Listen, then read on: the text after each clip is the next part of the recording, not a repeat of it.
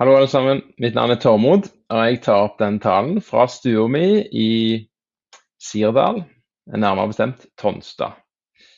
Og jeg skal ha en, noen tanker og en refleksjon og en andakt over søndagens tekst for dere.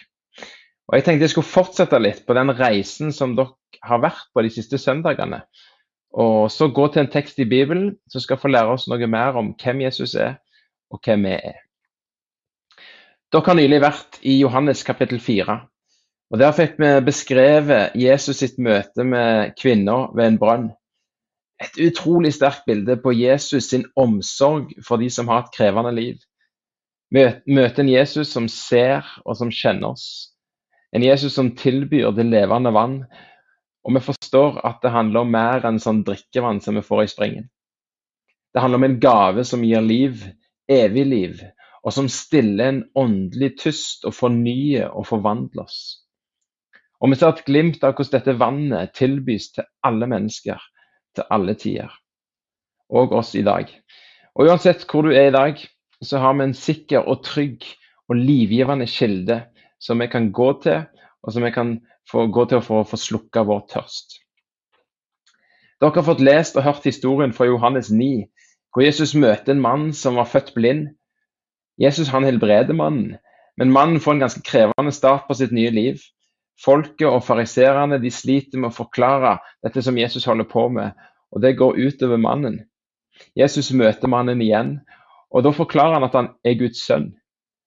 Og Det ender med at mannen han faller på kne, han faller ned og tilber Jesus. Han setter sin lit til Jesus. Og så har dere nylig hørt lignelsen om, eh, som Jesus forteller om såkornet og sennepsfrøet.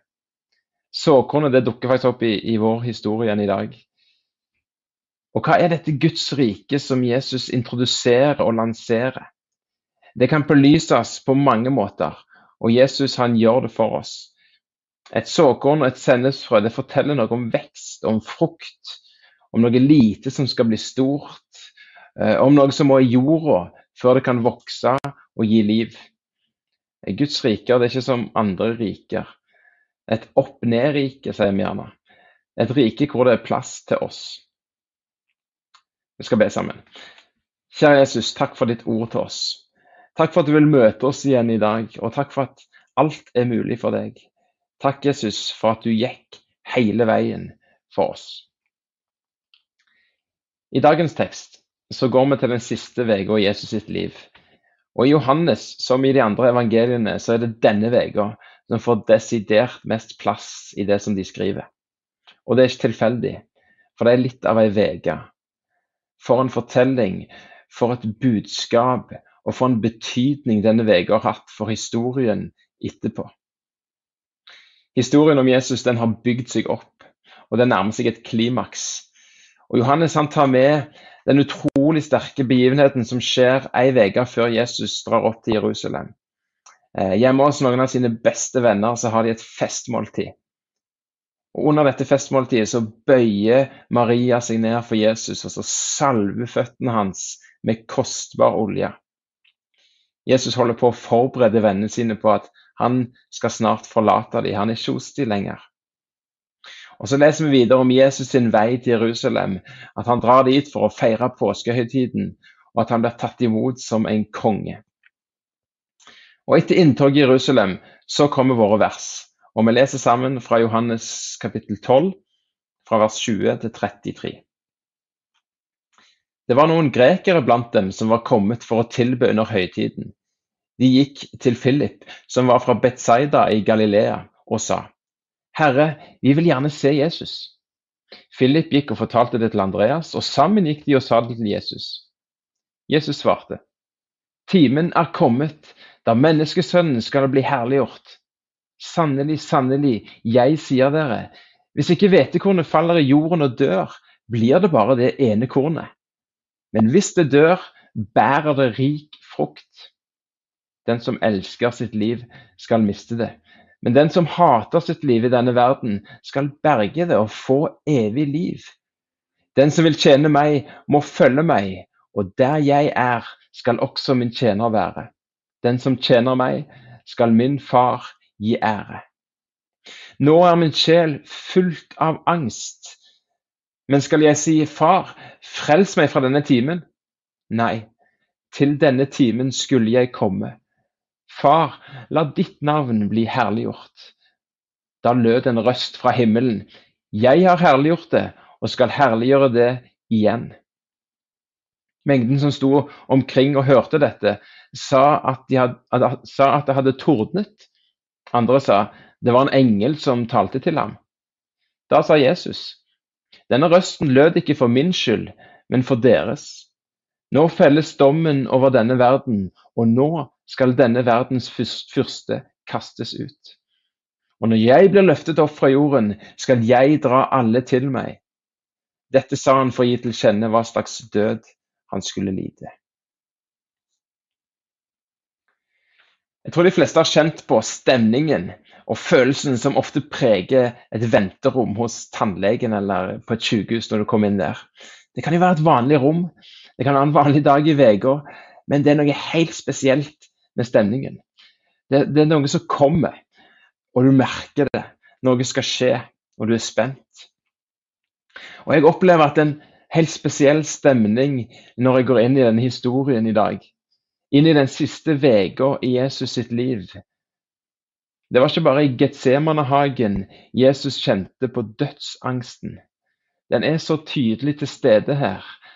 Og Jesus han tror jeg har båret på den en stund. I vår tekst så sier han nå er min sjel fullt av angst. Jesus han kjempa. Han visste hva som kom. Han var forberedt, men han kjempa. Og det var ikke lett for han. Men han var villig, og han gjorde det i kjærlighet for alle mennesker. For meg og for deg, uten å bebreide eller synde. Han lot seg sjøl bli tatt og han kjempa. Han kjempa ikke imot, men vi ser at han kjempa. Han hadde en kamp. Timen er kommet, sier Jesus. Helt tydelig det som står i hodet på han. Timen er kommet. Alle evangeliene de har med dette her. Og Jesus han sier det egentlig flere ganger de siste dagene. Tida er inne. Det er mye her eh, i dette som Jesus sier.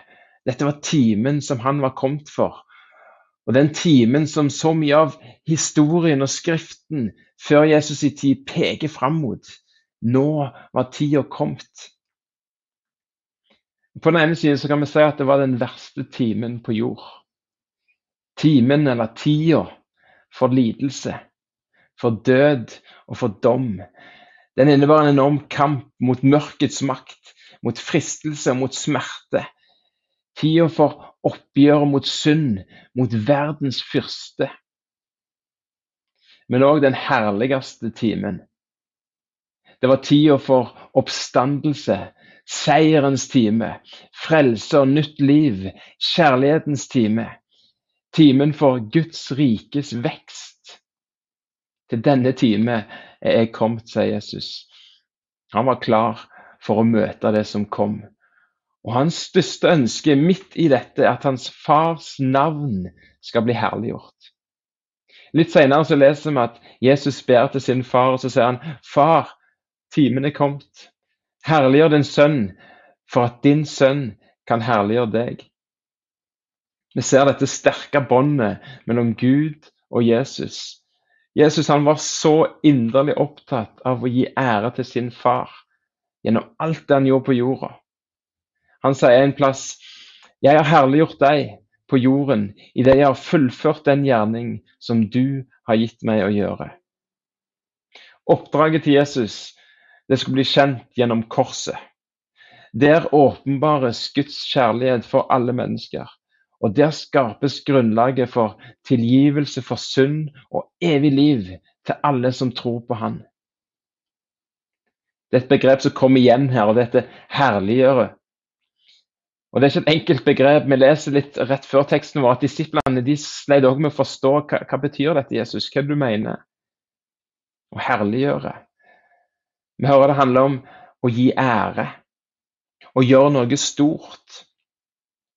I mitt hode så, går tankene mine til disse som vinner priser, f.eks. Nobels fredspris. Mennesker som blir æra, som får status fordi de har gjort en strålende innsats for mennesker, for, for fred på jord. Eh, eller andre som får pris for andre ting. Det kan være så mangt. Jesus han snur litt på mine tanker. Han kunne også fått pris for mye av det gode han gjorde mot mennesker. Og han herliggjorde virkelig Gud gjennom alt dette òg. Men så blir det så tydelig i denne historien og i disse dagene som kommer i Jesus sitt liv, at mer enn de gode gjerningene, så tror jeg den ultimate herliggjørelsen den kommer gjennom at han gir sitt liv for oss mennesker og står opp igjen.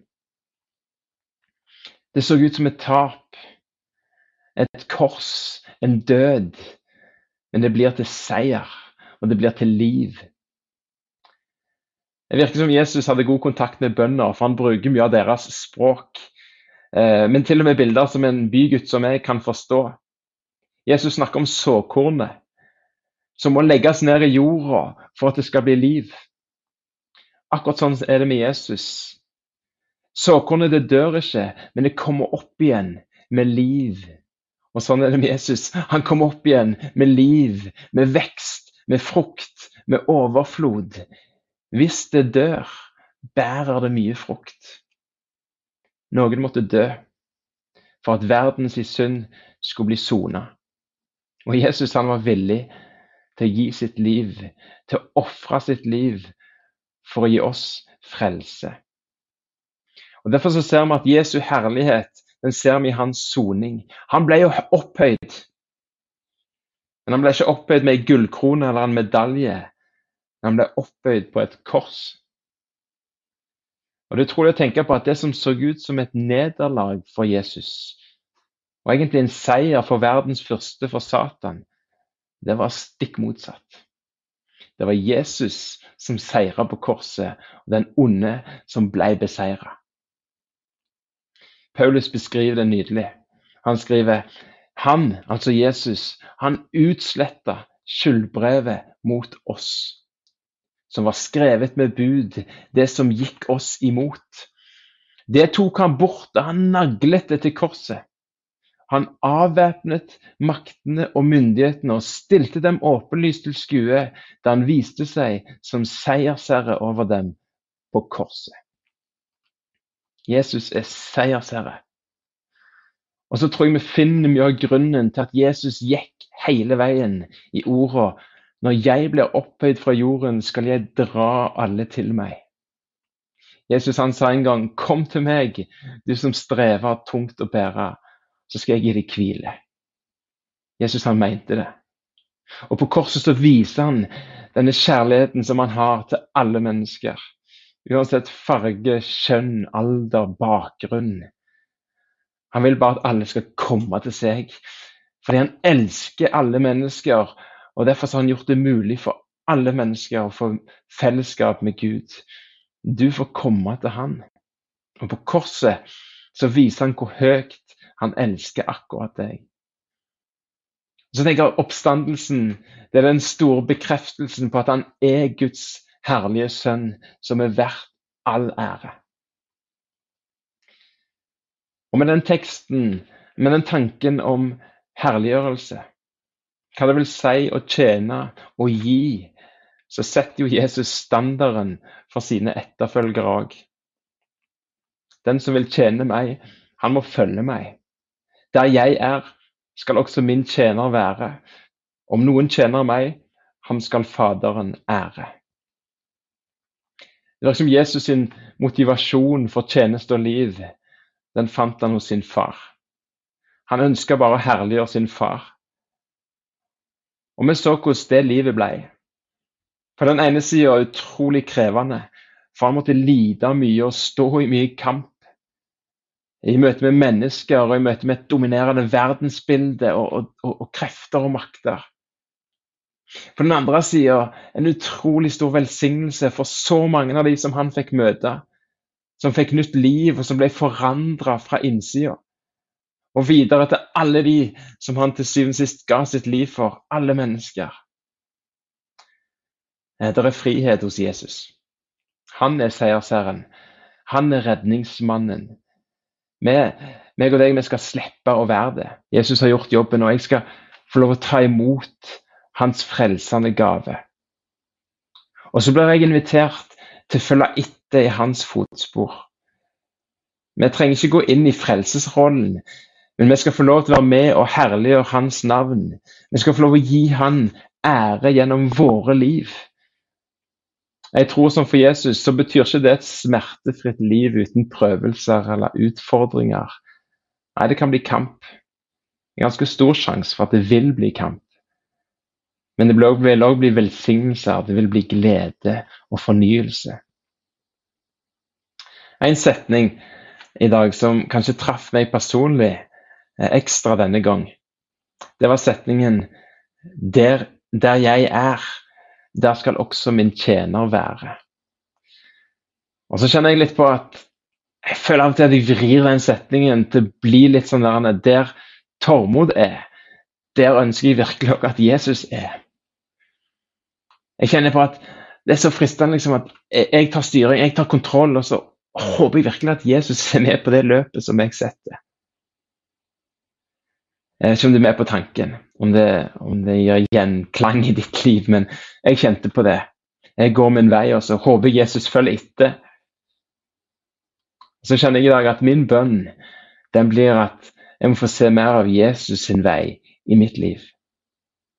At jeg må la han få lov til å sette enda mer kurs, og la han få lov til å lede meg, og få lov til å være frelseren og at jeg skal få lov til å gi slipp på kontrollen og gi mitt liv til Han hver dag. Vi skal få se til Jesus for å finne frelse og for å finne fred. Og for å finne motivasjon og inspirasjon til hver dag på vandringen mot himmelen. Må Gud velsigne deg.